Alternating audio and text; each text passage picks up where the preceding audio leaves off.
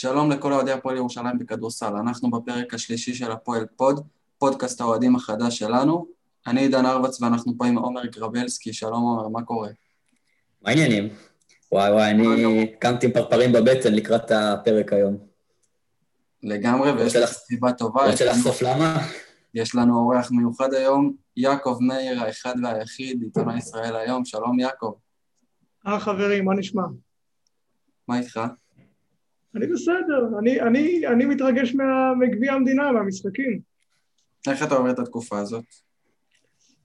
האמת, האמת שיש לנו, כדורסל כל יום, אני חושב שזה לא מובן uh, מאליו, ממש כל ערב יש משחקים, למי שאוהב כדורסל זה, זה חוויה, כמובן שזה, כמובן שזה לא אותו דבר כשאין קהל במגרשים, אנחנו בטח נדבר על זה גם, אבל, אבל uh, בסדר, יש כדורסל, יש מה לראות, יש מה, מה לדבר, יש על מה להתלונן, אז זה כבר טוב. כן, רציתי לשמוע ממך מה אתה אומר על, אה, בתור עיתונאי שמגיע להרבה משחקים בשנה, רציתי לשמוע מה אתה חושב על זה שאין קהל וכמה זה משפיע על השחקנים. אני חושב שבהתחלה, אתה יודע מה, גם אנחנו תמיד גם, אה, זה תמיד? היינו גם שואלים את זה, על, אה, את עודד היינו שואלים על זה הרבה, בהתחלה זה היה מפריע. בהתחלה זה היה מורגש, לשחקנים היה קשה להתרגל, למאמנים, לשופטים, לעיתונאים, לכולם. אבל לאט לאט עם הזמן בסופו של דבר מדובר במקצוענים שמקבלים עדיין הרבה כסף, ואתה יודע, ווינרים שרוצים לנצח, אני מאמין שכבר אנחנו נמצאים באיזשהו שלב מסוים ש... שאולי פה ושם יש משחקים שבאמת קצת, קצת קשים לצפייה ובטוח שה... שעם קהל זה היה יותר טוב, אבל בסך הכל רוב המשחקים, בטח של קבוצות כמו הפועל ירושלים, מכבי תל אביב, חולון, קבוצות עם הרבה שאיפות, עם הרבה לחץ מסביב, כבר ההשפעה היא, היא פחות גדולה. הבנתי. מסכים לגמרי. אה, בסופו של דבר האלטרנטיבה שלנו במצב הזה היא שאין אלטרנטיבה, ובלי הספורט בתקופה האחרונה באמת לא יודע מה היינו עושים, אז אה, לגמרי צריך להגיד תודה על מה שיש. רק מעניין אותי, יעקב, בנוגע לנקודה עם הקהל, אם יש איזה שחקן ספציפי ששמת לב שקצת, קצת עוד קשה לו להתרגל.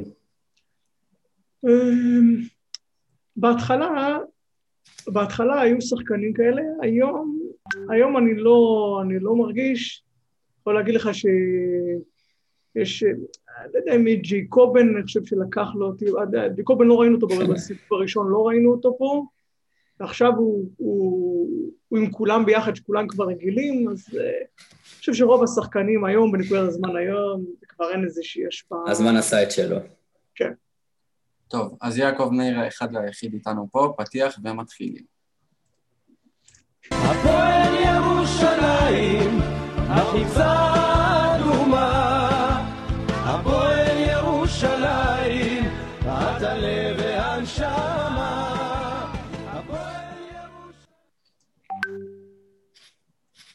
טוב, שבוע לא קל עבר על כוחותינו, אה, שני הפסדים קשים לנס ציונה בבית ולמכבי בחוץ. אה, בואו נדבר קצת על המשחק שהיה במכבי בתל אביב. אה, לא, לא הגיעו למשחק. טוב, אז אה, באמת חתיכת רחה, חטפנו ביום חמישי, הפסד 101-80. אה, יעקב, לפני שנתחיל להרחיב, מעניין אותי כאילו גם לחבר את זה ליום שני, שבאמת סגנון, היה הרבה דמיון בין המשחקים. איך אתה מסכם את זה בשני משפטים מבחינת הפועל? אני חושב שאת הקשיים, הקשיים כבר יכולנו לראות אפילו בבוסניה. המשחק הראשון שהיה באמת, היה חלש מאוד, והיה...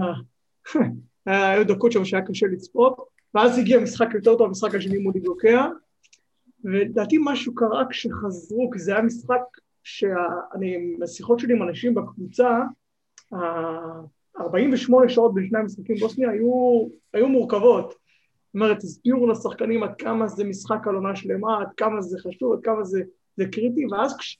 וזה באמת הצליחו להביא, באמת היה שיפור משמעותי באותו משחק שני וניצחו אותו גם בהפרש טוב ואז כשחזרו לארץ הייתה איזושהי נפילת מתח. נפילת מתח, אני חושב שזה גם קשור לזה שגם ג'י קובן לא משחק וגם מלקול איל לקח לו המון זמן להיכנס לעניינים וטישון תומאס, אנחנו נדבר על זה בהמשך, סוחב איזושהי פציעה ואדם אריאל יש לו כלים, כולם, באמת יש המון המון בעיות מסביב וקריס קרמר הוא, יש לו כמה שבועות מאז שג'יקובן חזר, אה, דברים פחות עובדים לו, וזה לדעתי משפיע על כל הקבוצה, ואז פתאום אתה, אתה פוגש את נס ציונה שהיא קבוצה בעלייה באמת עם הרבה כישרון מאז השינויים שהם עשו, ואחר כך אתה מגיע מול, אה, מול מכבי שגם הגיעו אחרי הפסד ביורוליג ורצו להגיד, ו, וזו התוצאה, אני חושב שזה פשוט הרבה בעיות מקצועיות, חלקן נורות מקצועיות, שזו הסיבה המרכזית ל, ל, לשני ההפסדים האלו, אבל אם נצחו מחר, אז ניצחו את גלבוע, אז אה, אנחנו, אתה יודע, בעוד שבוע, שבועיים כבר לא כל כך נזכור את השבוע הזה. בדיעבד כולם חכמים. אז נדבר גם, גם על המשחק נגד אה, גלבוע, אבל בואו נדבר קודם על ההכנה למשחק נגד מכבי. זאת הייתה החלטה נכונה לא לרשום את ג'ייקובן בסגל? כן, אני חושב שכן. אה, בסופו של דבר אתה, אתה בוחר את ה... אנחנו אומרים, אתה בוחר את הקרבות שלך, גיקובן לא יכול, לא יכול לשחק גם ביום חמישי, גם ביום שני, הוא צריך, היום הכאבים שיש לו, המצב שיש לו, הוא צריך לקבל כנראה, לפי מה שאני מבין, הוא עולה לשחק עם זריקה, ולעשות לו את זה פעמיים בתוך כמה, ארבעה ימים, זה לא, זה לא מקצועי, והמשחק, המשחק, נכון שיש הרבה יוקרה למשחקים מול מכבי והכל, אבל המשחק החשוב באמת בשבוע הזה הוא המשחק מול גלבוע. הפועל ירושלים זכתה. אני גם מסכים לזה שבסופו של דבר, אם היינו מנצחים ביום חמישי ומפסידים מחר, שוב, עם כל היוקרה והגאווה שיש בלנצח את מכבי, המלחמה הגדולה היא מחר. נכון, נכון, והחליטו לשמור אותו, אמרו לי את זה עוד לפני המשחק, החלטנו לשמור את, אה, את ג'ייקובן למשחק מול גלבוע. אוקיי, אז אף אחד לא היה נעים ה-21 הפרש והזה שכמעט מהרגע הראשון פערים היו גדולים, אבל אם, אם ג'ייקובן מביא מחר את הניצחון ואת הכרטיס לחצי גמר, אז כנראה שהשאלה הזו, התשובה הזו תהיה ברורה מאליה. נכון, וגם בואו נסתכל אה, בעוד היבט להכנה נגד מכבי. שוב, 24 אה, שעות לפני, איך שהודיעו שג'קובן בחוץ, אז uh, מאמין שמעטים מאוד היו עם ציפייה לניצחון. Uh, לגבי האנרגיות והגישה של השחקנים עוד נדבר בהמשך, אבל אני רוצה שנייה לפתוח לדיון את ההכנה למשחק מקצועית של uh, קטש. מכבי באה יומיים אחרי משחק ביורוליג נגד זנית, וספרופולוס גם אמר בריאיון לקראת המשחק שהם לא הספיקו אפילו לעשות אימון מלא מעבר לאימון קליעות. מצד שני, לנו היה מספיק זמן להתכונן, ובכל זאת, אני לא יודע מה הייתה התוכנית של קטש, אבל בסופו של דבר, זה נראה שהוא אמר להם, אתם תעלו לשחק נגדם, ומה שיהיה יהיה, כי לא יכול להיות שמשחק שלם, הפועל עם ההגנת חילופים שכל פעם מחדש לא עובדת מול יריבות חזקות. זיזיץ' שעוד נדבר עליו, לא פוגש שום דאבל אפ שיגרום לו לעשות את מה שהוא ממש לא טוב בו, שזה לחשוב. ווילבקין בחימום זה רק זריקות יותר קשות מאשר ברוב המשחק.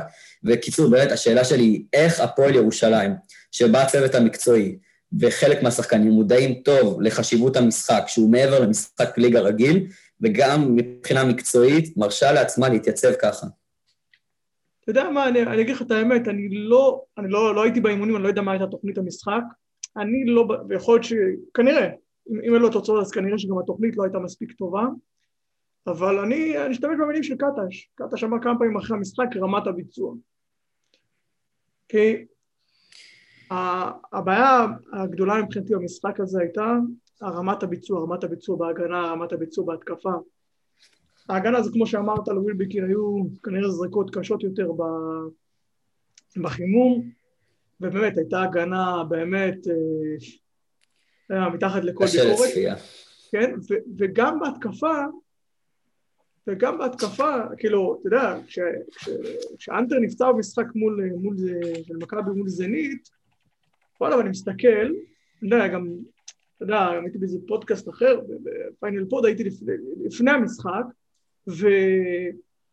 וכשאלו, דיברנו על זה, איפה, איפה היתרונות, איפה היתרונות של הפועל ירושלים במשחק? אמרתי, וואלה, תומאס ובריימו. כאילו, משחק מול, מול ז'יז'יץ', וכאילו עם, ה, עם ה pick and roll, שהפועל עושה אותו באמת, כשהיא עושה אותו, היא עושה אותו בצורה מושלמת, תומאס ובריימו עם האתלטיות, עם התיאום עם הגארדים, אמורים להתעלל בקו הקדמי של, של מכבי, וזה לא קרה, אני חושב שבעיקר רמת הביצוע, ה pick and roll לא היה טוב, התנועה ללא כדור, הרי כשההתקפה של קטש עובדת, זה אחד הדברים הכי כיפים לצפייה. באמת, אני חושב שקח את הקבוצה של שנה שעברה, או אפילו קבוצה של כמה שבועות לפני הנסיעה לבוסניה, היה כיף לראות, אני נמצא במגרשים, באמת זה חבל לראות תיאום כמעט מושלם והכל. הבעיה העיקרית מבחינתי במשחק הזה הייתה רמת הביצוע שהיא לדעתי מגיעה מהאנרגיות. דיברת על האנרגיות, האנרגיות לא טובות, זו תוצאה של שבוע זה בוסניה, תוצאה של ההפסד בנס ציונה, משהו באנרגיות לא מספיק טוב, משהו בחיבור הזה בין השחקנים, משהו קרה, אני לא יודע, לא נמצא בתוכו אז אני לא יודע להגיד, אבל לדעתי זו הסיבה המרכזית. אז בואו נדבר רגע על זיזיץ', 21 נקודות ב-29 דקות, עשרה ריבאונדים, אה, כביכול היה השחקן הכי פחות טוב, הזר לפחות, הכי פחות טוב של מכבי אה, בהגעה למשחק, והוא פשוט נתן הצגה. לדעתי חשוב גם להוסיף שזיזיץ' עשרה ריבאונדים, מתוכם שבעה בהתקפה, שבעה. ובאמת, אני לא מצליח להבין איך משחק אחרי משחק, בעיקר בחודש וחצי האחרון, המאמן היריב של מכבי מצליח להראות כמה נזק יכול לגרום אנטה זיזיץ' לקבוצה שלו, וזה מתחיל מדדס ועד אה, צ'אבי פסקואל. ובמקום לנצל את זה, בטח כמו שיעקב אמר, יש לנו גבוהים כמו תומאס ובריימו, שעם הזריזות שלהם והחוכמת משחק שלהם יכולים להשאיר לו אבק. קדוש נותן לו לעשות מה שהוא רוצה. בהגנה כל פעם הוא חוסם לווילבקין, מקבל שחקן נמוך, לא מגיע עזרה, הוא מסיים lay-up. אה, בהתקפה אף אחד לא מנסה לקחת אותו לסל, תומאס בכל pick and roll מתגלגל החוצה במקום לעשות את ה short roll הזה שהוא כל כך טוב בו, וזה גם לא פעם ראשונה שזה קורה, אני מזכיר לכם מה עשה לנו קולטון אייברסון לפני שנתיים עם טנריף, מה עשה לנו הסנטר הסרבי של אה, בורגוס, שברח לי רגע השם שלו, אם מישהו פה זוכר. אה, וואה, כן, ראיתי אותו באתונה. אז כן, הוא גם בפיינל 8, אז יכול להיות שפשוט יש פה סוג של שחקנים שאין לנו תשובה אליהם.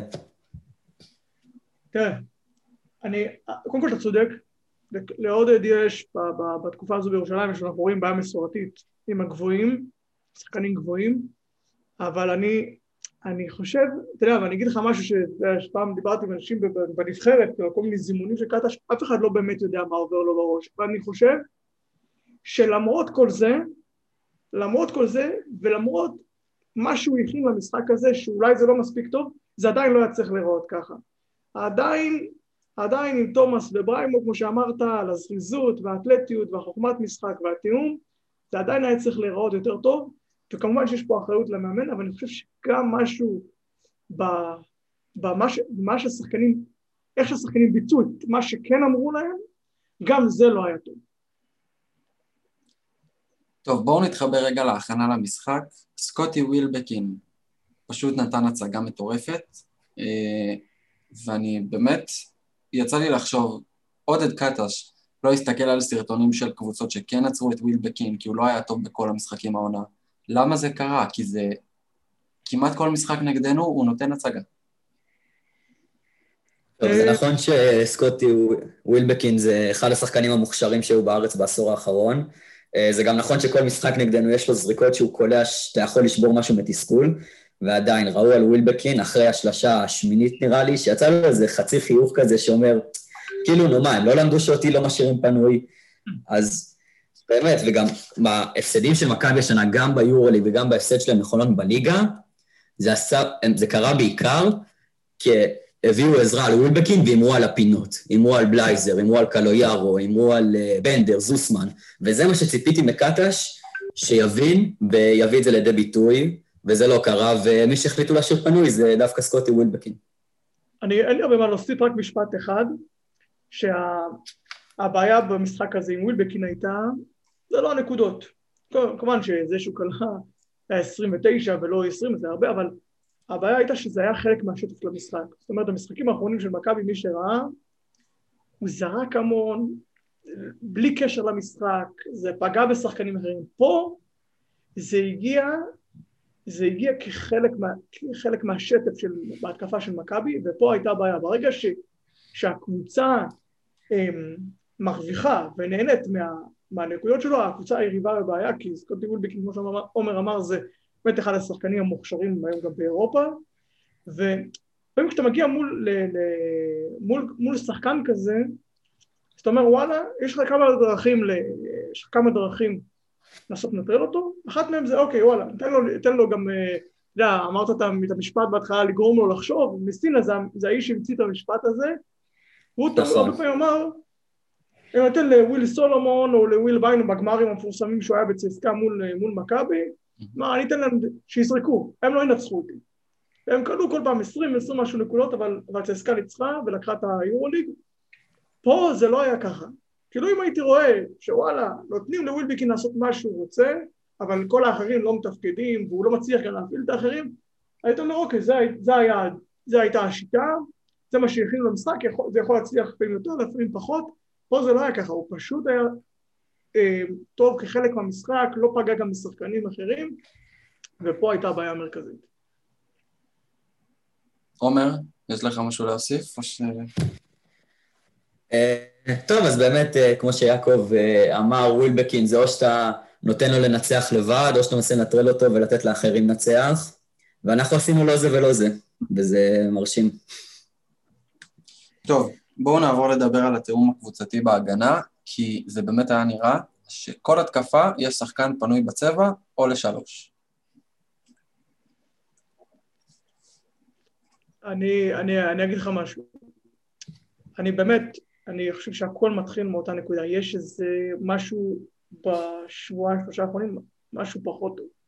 משהו לא עובד, כי הרי זה אותם שחקנים, ואתה מסתכל, אתה עובר שחקן שחקן, באמת עובר שחקן שחקן, אולי חוץ מלכל מילי שאנחנו עדיין לא יודעים איך לאכול אותו כי לא היה לנו מספיק זמן, כולם זה שחקנים שמבינים את המשחק ברמה הכי גבוהה, באמת, ג'יי קופן וקראמר ותומאס ובריימו, באמת שחקנים שמבינים את המשחק ברמה מאוד גבוהה, ומשהו, יש, קורה איזה משהו בתוך הקבוצה, אני לא יודע אם זה, אני לא יודע לפחות על איזה בעיות חברתיות או משהו כזה, אני יודע מקצועית, משהו שלא עובד וזו התוצאה, התוצאה היא התיאום הקבוצתי בהגנה, התוצאה היא רמת ביצוע נמוכה של ה pick and roll בהתקפה, בסופו של דבר התוצאה גם מזה זה גם החטאות של זריקות טובות, אמ, זה לא איזה שהיא אמר לה, נצביע שיש איזה שחקן ש...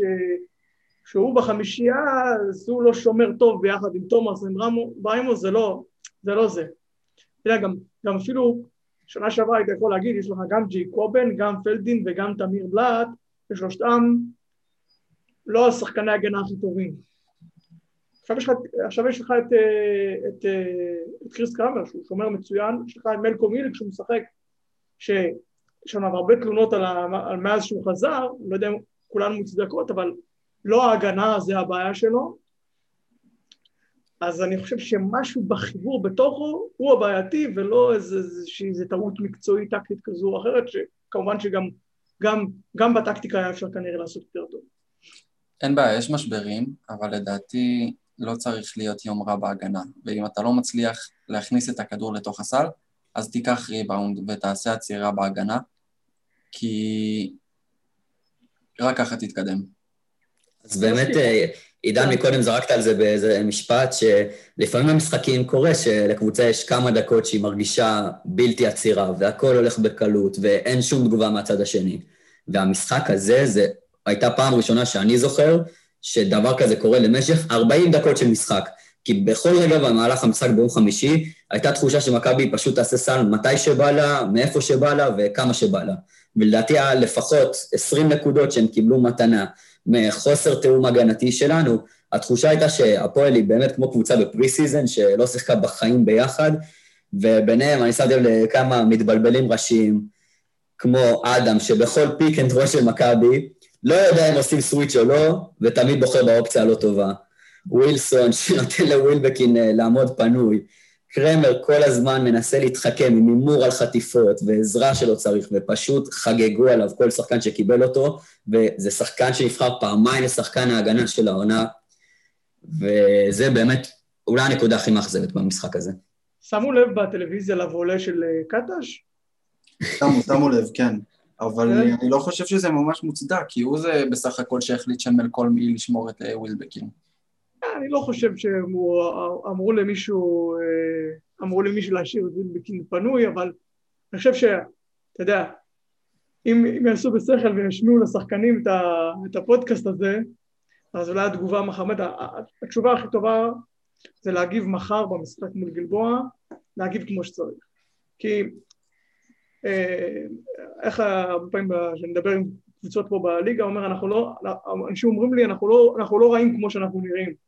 אני בטוח שהפועל היא לא רעה כמו שהיא נראתה בש, בשני המשחקים האחרונים, ומחר זה הזמן להראות את זה, זאת אומרת, אם נס ציונה, וואלה, זה, זה לא היה נעים לחטוף הפסד, אולי ראשון בליגה, ובטח להפסיד למכבי, מחר זה, אי אפשר לתקן, אתה אתה הולך הביתה, זה הזמן להגיב, כאילו, צריך לה, להרים את האנרגיות, צריך ל...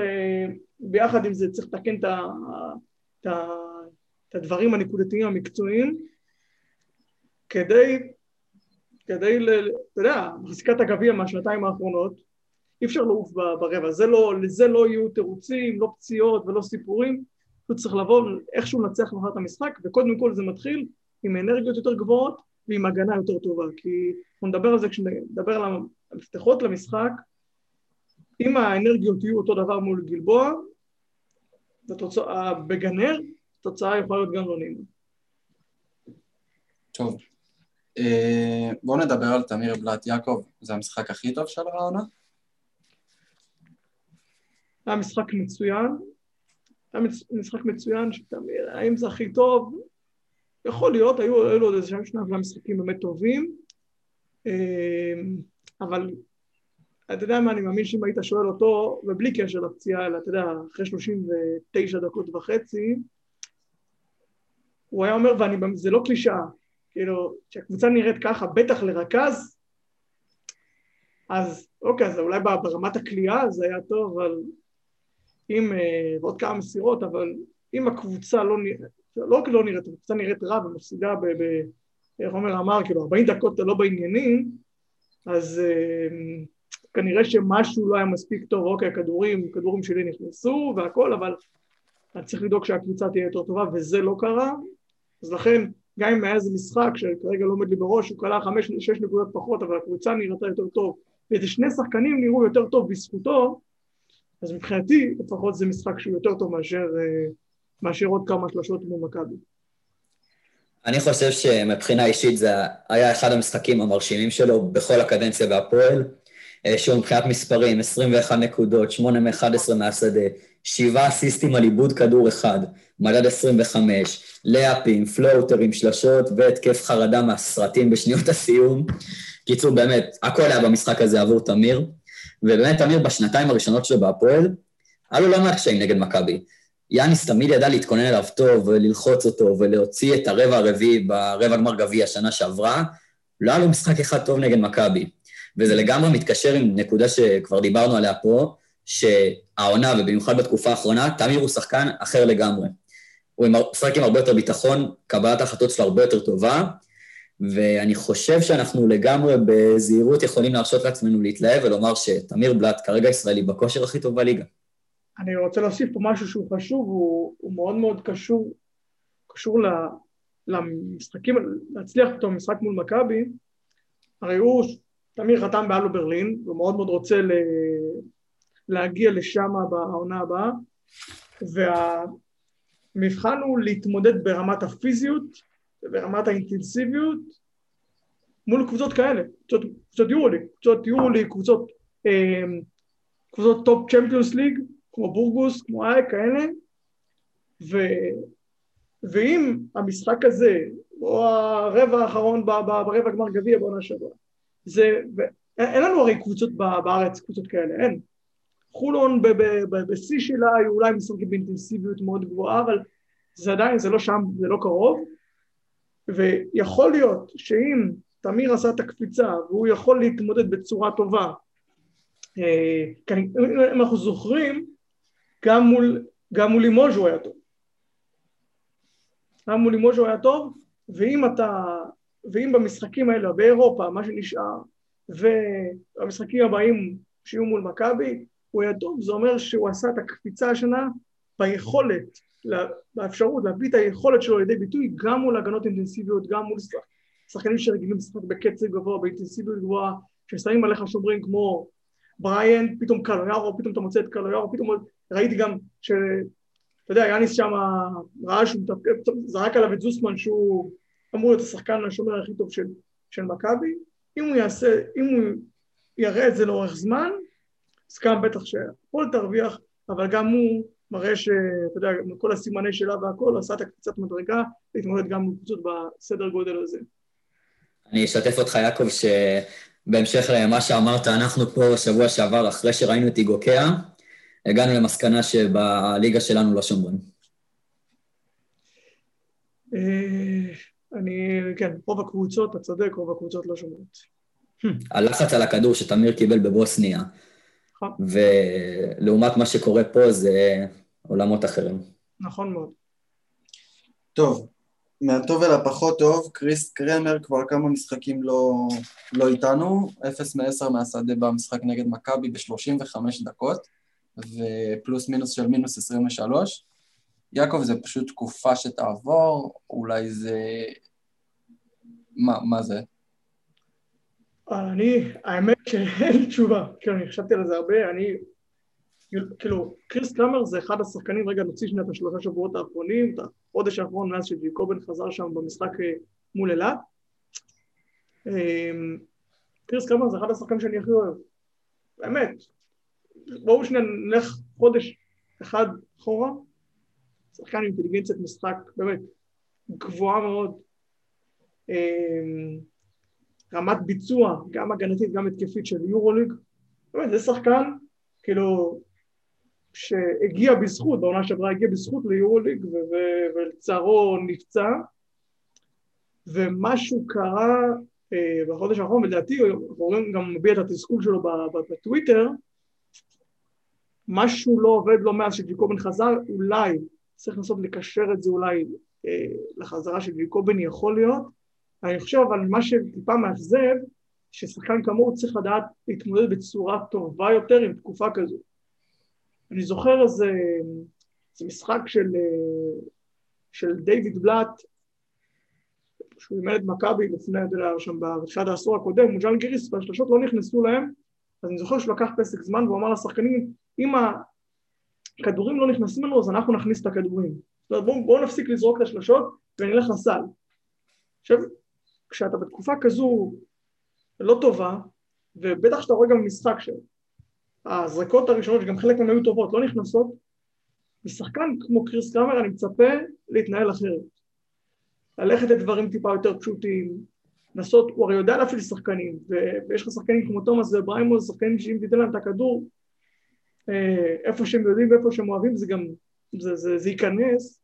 הייתי מצפה שהוא יחפש את השחקנים האחרים יותר, שהוא ינסה לחזור למשחק, לחזור לעניינים בדרכים אחרות ולא בלהעיף כדורים, ופה זה משהו שטיפה אכזב אותי, אבל באופן כללי אני לא יודע להסביר, אני לא בטוח שגם יש מישהו אחר שיודע להסביר מה קורה לקריסקרנו בחודש האחרון. אז הוא זרק חמש שלשות, אבל היו עוד חמש זריקות שאפשר לקרוא להם פשוט לאפים. לאפים שנכנסו ויצאו, ופשוט כלום לא הולך לו. זה משפיע, הביטחון הזה משפיע, אני מסכים. אני לא יודע להסביר את זה. טוב, אז אה, באמת אה, בפרק הקודם אחד הנושאים המרכזיים שדיברנו עליהם זה חוסר היציבות של אה, קריס קרמר. אני הייתי יותר אופטימי בעניין הזה, הרגיש לי שלקרמר היה שבוע רע בבוסניה והוא יקום מזה וזה יעבור. וגם נגד נס ציונה, הוא היה לא רע בכלל, אבל איזה תצוגת נפל נגד מכבי. אני אמרתי כאן שבוע שעבר שלמרות שקרמר לא קלה הרבה בבוסניה, הוא הצליח לתת תרומה באספקטים אחרים. וביום חמישי לא היה דבר אחד במשחק שלו שאפשר לציין לטובה. עכשיו, זה מאכזב במיוחד, במיוחד, אה, כמו שיעקב אמר, שלפני חודש וחצי קרמר היה בשיאו. הוא קלע מכל מקום, היה בשטף של המשחק, והקבוצה נראתה מצוין שהוא הוביל אותה.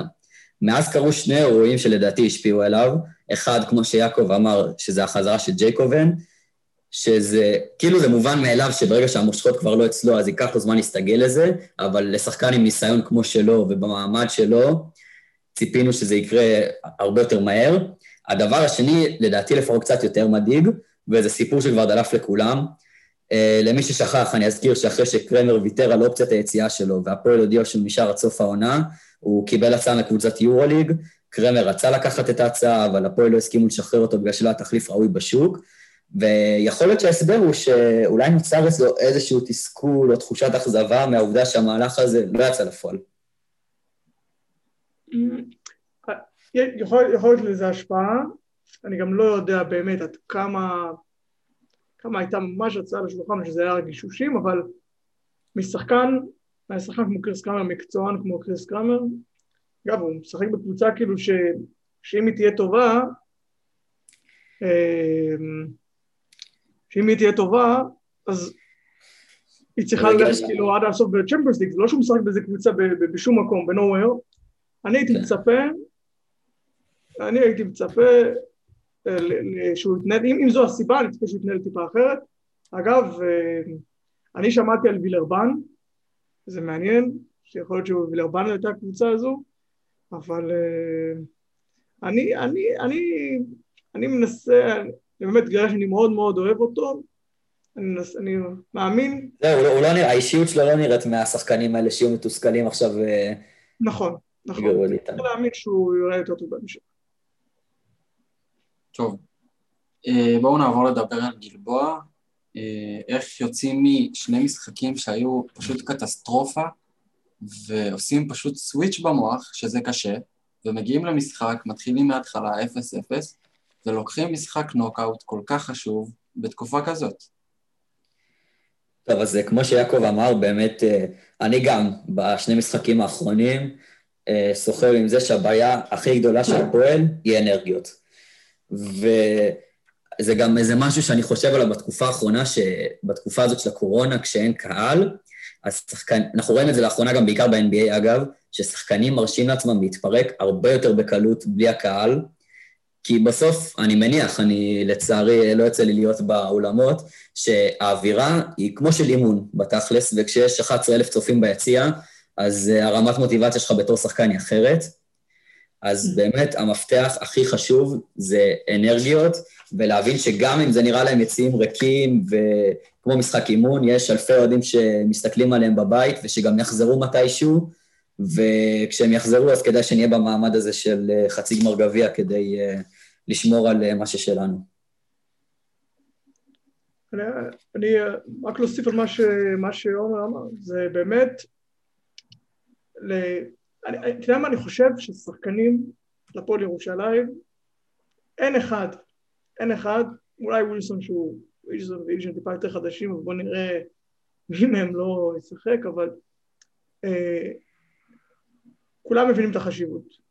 כולם מבינים את החשיבות של המשחק הזה עבור הפועל ירושלים, כולם יודעים מי זכה פה בגביע ועד כמה צריך להיות במעמד הזה של חצי גמר ושאולי יהיה קהל והכל, אבל גם לא צריך להגזים.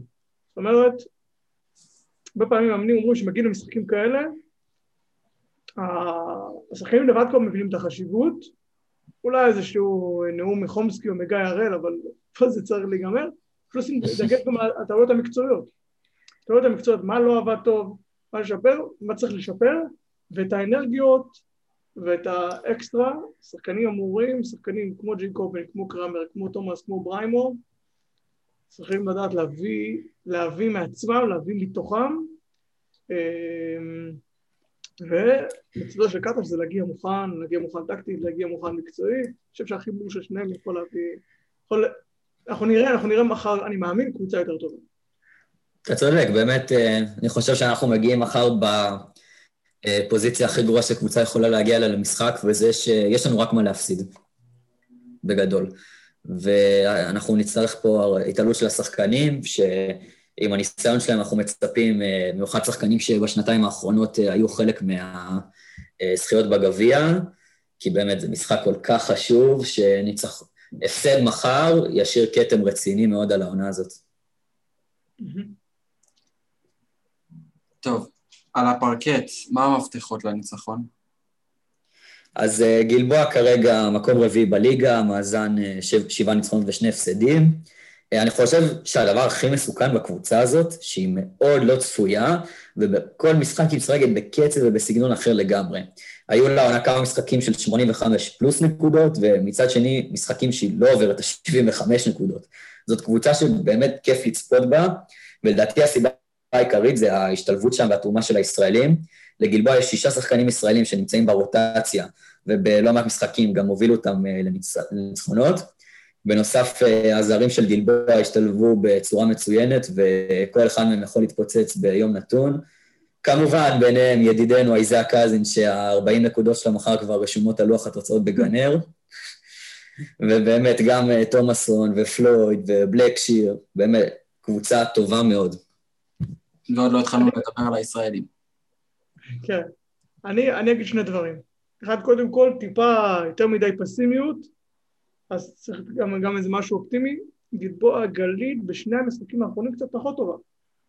פחות טובה, להתבטא בהפסד לנס ציונה, שבאמת הייתי בשני המשחקים האלו, נראו ממש לא טוב, וגם במשחק מול ראשון, כמה 71-69, משהו כזה, זו תוצאה כזו, אה, הם לא נראו טוב בהרבה דקות, כן מצאו את הדרך לנצח, וזה יפה, וזה מראה, וכן הראו קשיחות, אבל ברמת הכדורסל, שבאמת הייתה רמה מאוד מאוד גבוהה, יחסית לליגה שלנו, אה, הייתה בחלק הראשון של העונה, קצת, קצת, אתה יודע מה, גם במחצית השנייה מול הרצליה, מי שזוכר, הם כבר משם התחילה איזושהי ירידה, אז זה דבר ראשון. והדבר השני, משהו טיפה כמו במשחק מול מכבי זה מפתח. אם, כי מכבי, כמה שזה נשמע, אבל כמה שזה נשמע מוזר, השיטה של יאניס טרופולוס, בהגנה יש לו הרבה דברים, בהתקפה זה די לעשות קצת בלאגן על המגרש וללכת לשחקנים אחרים, בעיקר וודבקין, אבל אם יש פתאום בריין, פתאום שחקנים אחרים.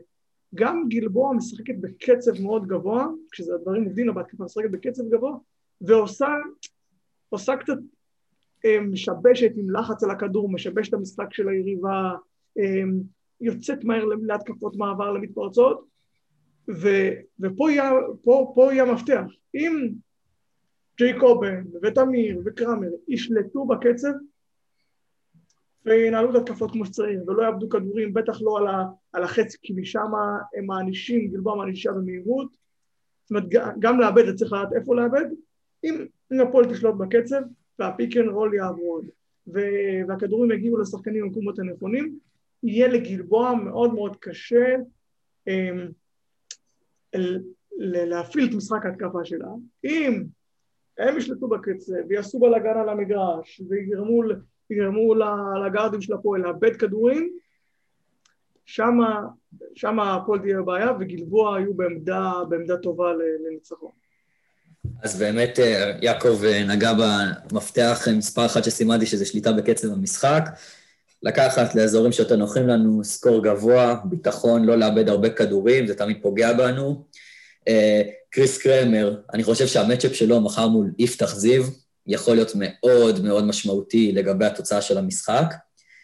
ועוד מפתח שאני חושב שהוא מאוד חשוב, מלקול מיל. נכון לרגעים אלה, אנחנו עדיין לא יודעים מה יהיה הסגל זרים למשחק מחר, או שאולי יעקב יודע והוא עומד להפתיע אותנו עכשיו.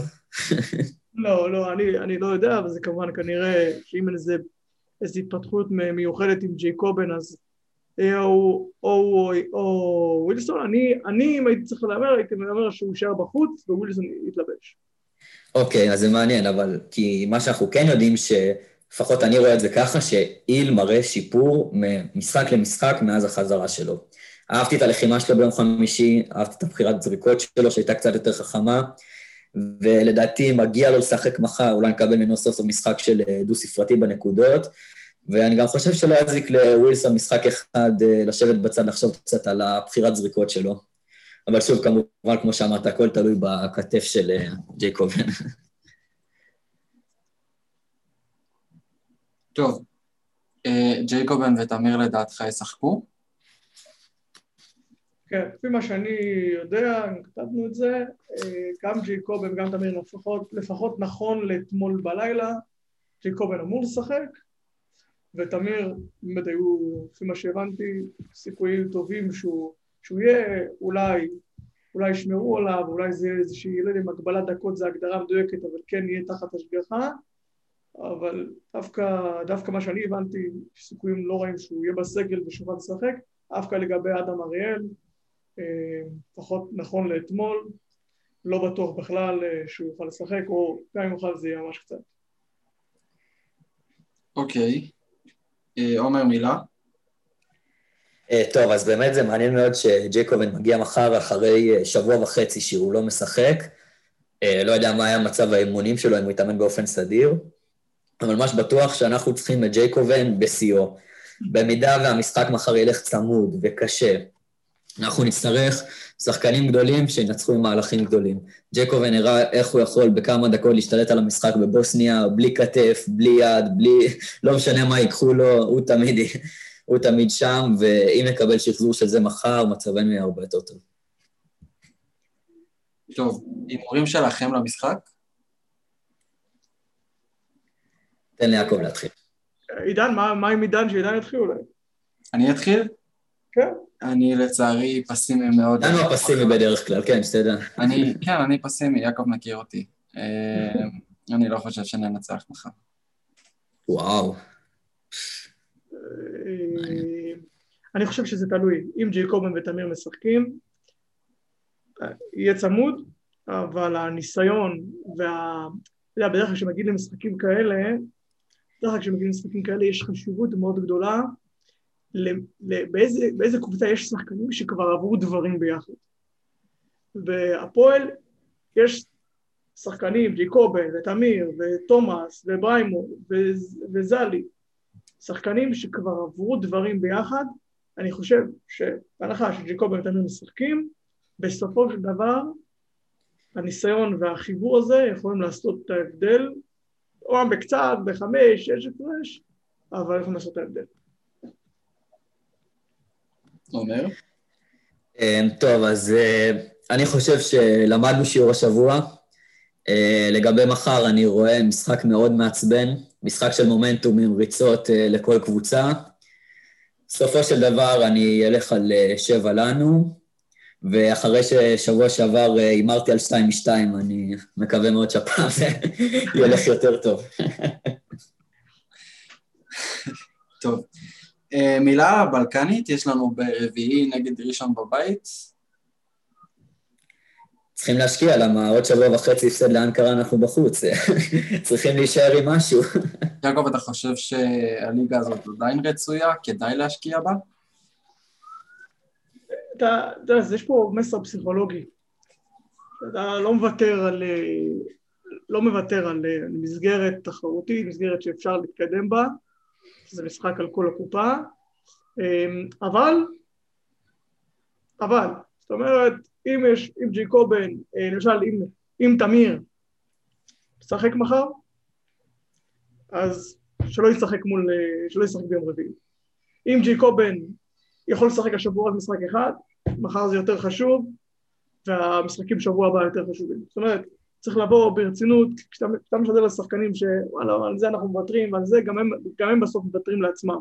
שפה זה, זה המקור לכל הצעות ברגע שאנשים מתחילים לוותר לעצמם, צריך לבוא לזה רציני וממוקד, אבל מי שלא יכול לשחק, מי שאם תישון סוחב איזה משהו בברך והוא יכול לשחק רק איזה, איזה מספר מסוים של דקות, אולי זה, זה משחק למלקומי לחזור לעניינים, זה משחק לווילסון, זה משחק לעדי כהן סבן לתת עוד פעם, לאדם אם הוא יהיה כשיר, לזלמנסון לקבל יותר דקות, שהוא לדעתי מצדיק אומרת, חשוב אבל. אני באמת מסכים מה שיעקב אמר, גם לגבי הגישה והמסר שמעבירים פה, וגם uh, כל העניין הזה של לתת ביטחון לשחקנים שבתקופה האחרונה קצת אנחנו פחות מרגישים אותם. עדי לא יצא עם הקבוצה לבוסניה, ולדעתי באיפשהו מקום כאילו זה גרם לנו לאבד אותו קצת, ואנחנו צריכים uh, אותו שוב איתנו, כי לפחות בליגה הוא הראה שיש לו איך לעזור. אגב, הוא גם היחידי בקבוצה עם uh, פלוס מינוס חיובי נגד מכבי. פלוס שתיים בדקה של משחק, אז uh, הוא במומנטום טוב. ואנחנו צריכים לבוא ביום רביעי, להתייחס לזה כמשחק לכל דבר ולנצח. טוב, נושא אחרון שרציתי לדבר איתך, ועומר, ניתן ליעקב לענות. אה, אני לא שמעתי עדיין עיתונאים וכתבים מדברים על זה, זה נושא המשחקים בערוצים בתשלום. אה, הרבה מהמשחקים הם, אני מניח שאתה יודע, ולא רק אה, הפועל, בעיקר הקבוצות הקטנות, אבל גם המשחק מחר, בערוצים בתשלום, ובתקופה כזאת של קורונה, כשאין קהל, וכשבערוצים פתוחים אין משחקים אמיתיים, זה משחקי אימון ושידורים חוזרים, אני חושב שצריך לעשות עם זה משהו. עבודה כואבת. אני מסכים לגמרי, אני מסכים לגמרי, זה משהו ש... ש... שמנהלת הליגה צריכה לטפל בו, איגוד הכדורסל במקרה של הגביע, צריך להיות, צריך להיות אינטרס עליון, אינטרס עליון קודם כל של, ה, של הארגונים שמנהלים את התחרות, אבל גם של ערוץ הספורט וגם של הקבוצות. זאת אומרת, אם, אם בקבוצה רואים שיש להם משחק, משחק ועוד משחק ועוד משחק שמשודרים, אתה יודע, אם יש פעם ב- יש שהוא אילוץ ויש איזה משהו בכדורגל או, או שהוא באמת איזה משחק קריטי ב- בליגה בכדורגל או איזה משחק באירופה או משהו כזה, אפשר להבין, בסופו של דבר מדובר פה בעסק, מדובר פה במשהו מסתרי, אפשר להבין את ההחלטות, אבל אם באמת יש יותר מדי משחקים שלא, שמשודרים בערוצים סגורים ו, ו, וזה משהו שיטתי וגם או ב, כמו שאמרת בימים שבהם שבהם אין כלום בערוצים הפתוחים, צריך להיות אינטרס של כולם, של כולם, קבוצות, הארגונים שמארגנים את המשחקים וגם של ערוץ הספורט, צריך להיות אינטרס של כולם לדאוג שיהיו כמה שיותר משחקים בערוצים פתוחים, בסופו של דבר, בסופו של דבר הכל נשען פה על האוהדים. אה, בטח, בטח בתקופה כזו, אבל גם, אבל גם לא. גם בתקופה שיש קהל, הכל נשאר פה על האוהדים, אם אתה לא מתחשב בהם ואתה לא דואג שהם יוכלו לראות כמו שצריך, אז כולם בסופו של דבר פוגעים לעצמם בענף של עצמם. זה, זה פגיעה, בסופו של דבר זה מגיע, זה מגיע אליך. אם היום ילד לא יכול לראות, לראות משחק, זאת אומרת, אני בטוח שכל אוהד, אוהד הפועל, הדבר, הדבר שהוא הכי גאה לעשות זה לשבת בבית, בטח עכשיו כשאי אפשר ללכת למגרשים, לשבת בבית ולראות עם הילדים שלו את המשחק. ואם הוא לא יכול לעשות את זה שבוע אחרי שבוע, גם אם זה אוהד של הפועל חולון, גם אם זה אוהד של מכבי ראשון לציון, אם הוא לא יכול לעשות את זה שבוע אחרי שבוע, הילדים, ש... כמו שהוא ישב עם אבא שלו ביציעים ובמגרשים, הוא לא יכול לעשות את זה, הילד שלו לא יהיה אוהד באותה רמה. אז זה משהו חשוב שצריך לשים עליו דגש, אולי גם אנחנו בתור עיתונאים. עומר, משהו להוסיף? מחזק כל מילה. באמת, כאילו, הנושא הזה באמת, אה, במיוחד אה, לאוהדים שיושבים בבית, וזה כל כך מתסכל בתקופה הזאת שאנחנו חיים בין סגר, ויש חוסר ודאות, כל שבוע הוא אה, משהו אחר לגמרי. אז לפחות הנחמה הזאת של שעתיים בשבוע, או אם יש שני משחקים, אז ארבע שעות בשבוע, לראות קבוצה שיש אוהדים ששנים הולכים אחריה, בכל מיני מגרשים, מוציאים לא מעט כסף בשנה על מנויים על כרטיסים, וזה משהו שלא שומעים אותו מספיק. טוב, אז אנחנו סיימנו. אמ, תודה יעקב, תודה עומר. ו... אמנם בנימה פסימית, אבל uh, אנחנו נצא, ננסה לצאת באנרגיות טובות לקראת השבוע הזה, בתקווה שבעוד שבוע uh, נדבר על, uh, נסכם דברים קצת יותר שמחים. זה הפך להיות פודקאסט פסימי. לא, זה צריך ל... פעם הבאה ש... אתם, אתם מהפודקאסט הבא, אבל גם פעם הבאה שאני מגיע, אנחנו באווירה הרבה יותר אופטימית.